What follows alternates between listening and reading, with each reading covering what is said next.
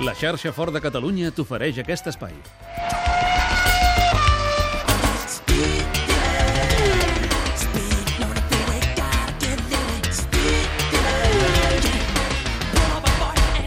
Awesome race, Lewis. Awesome race. Faultless weekend. You've done the job there, pal. Really grateful for the job, guys.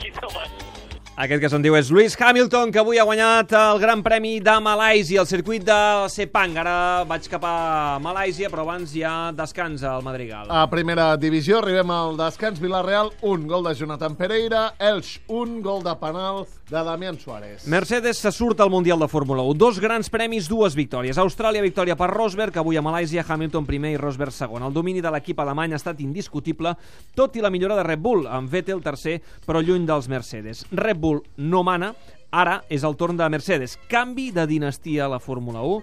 Marxem cap al circuit de Sepang, cap a Malàisia. Oriol Rodríguez, Albert Fàbrega, el nostre analista. Què tal, com esteu? Bona tarda. Bona tarda. Bona matinada, no? Bona tarda Sí, bona, o bona nit. bona matinada, aquí a perquè Malàisia. tres quarts i mig de, de dues ja sí que I encara al peu de canó, i us ho agraïm moltíssim. Uh, escolteu, uh, pregunta per tots dos. Um, soc massa agosarat si dic que hi ha un canvi de dinastia a la Fórmula 1?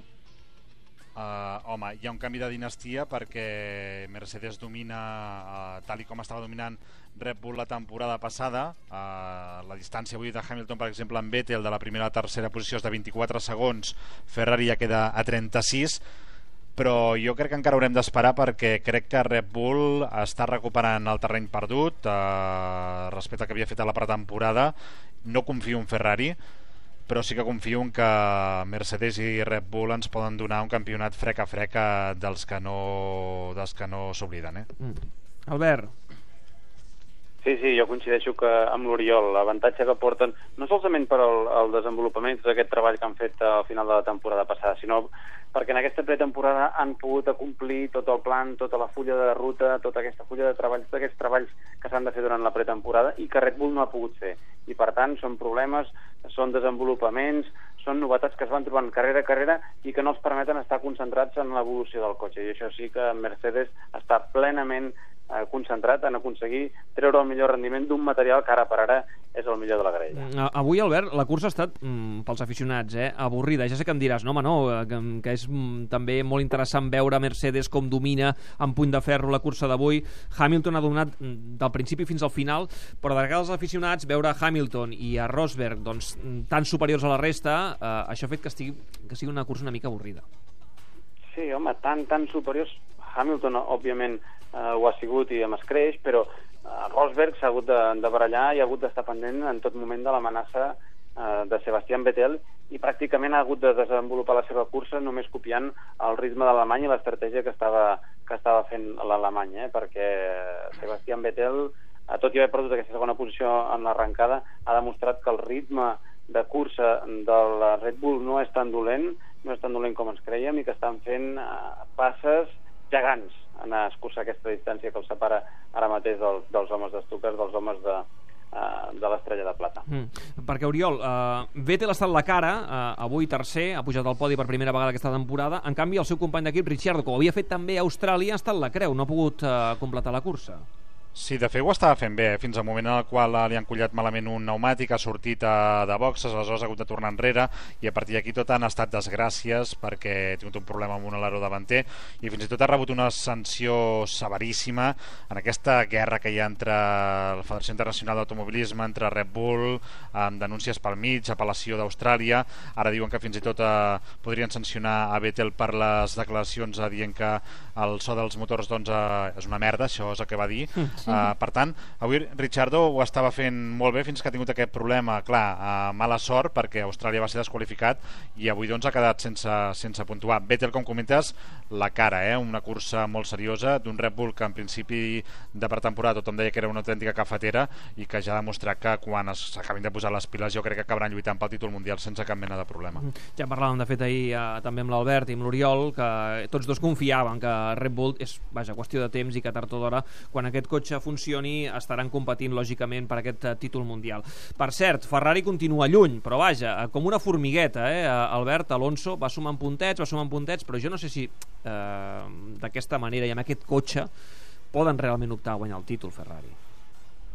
Ara, tal com estan les coses, la veritat és que és una mica prematur arribar a aquestes conclusions. I amb lo difícil que ha sigut la pretemporada, amb eh, lo difícil que ha sigut aquesta nova nor- normativa, veure un Fernando Alonso en la tercera posició, no massa lluny de Rosberg, que era eh, qui, li, qui lidera el campionat del món, doncs home, no és per estar decepcionats i no és per posar-se negatius. El que sí està clar és que eh, Red Bull, tingut una pretemporada molt més complicada, que han tingut uns problemes increïbles amb els propulsors, que no han pogut desenvolupar eh, el pla de treball, els hi ha passat ja la mà per la cara.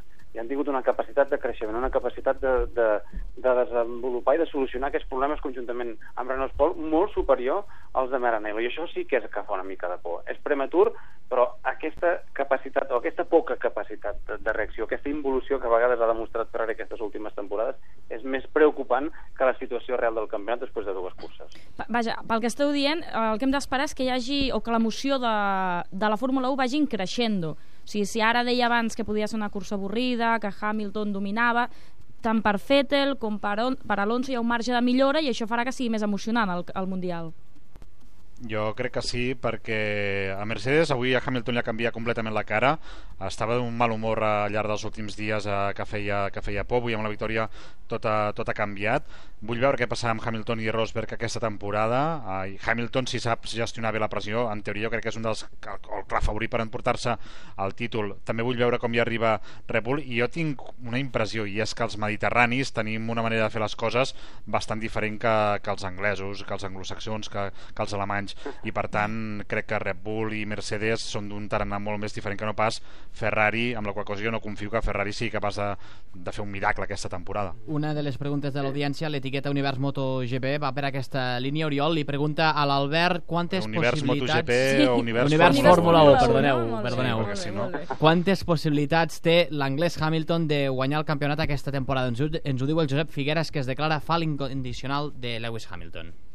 Home, Josep, moltes, moltes. I després del que hem vist aquest cap de setmana, li feia falta un resultat al, al Lewis per començar la temporada dient ep, estic aquí, uh, tinc la velocitat, el cotxe va bé. Hi havia una dada important que hem de tenir en compte. Uh, L'avantatge gran que ara té Mercedes respecte als seus competidors és a nivell del motor. La reglamentació del motor està bastant congelada. El que a priori del que, hem, el que podem visualitzar en el futur és que uh, Mercedes no pot anar massa enllà en el, que, en el límit que hi ha arribat i el, en canvi els seus uh, perseguidors poden recuperar-li aquest avantatge. Això per un costat. Però hi ha hagut un fet aquesta, aquest cap de setmana uh, que m'ha fet uh, dubtar una 20 mica. segons, Albert. L'avantatge Sí, l'avantatge és molt superior. És els pneumàtics. Fins ara teníem tradicionalment Mercedes que gastava molt malament els pneumàtics, tenia molts problemes de pneumàtics i en una cursa tan difícil per les gomes com aquí a Malàcia ho han fet molt bé. Albert Fàbrega, Oriol Rodríguez, moltíssimes gràcies per les hores que, que tenim a Malàisia i gràcies per ajudar-nos a analitzar el Gran Premi d'avui. Adéu-siau. Adeu, adeu. Adéu, gràcies.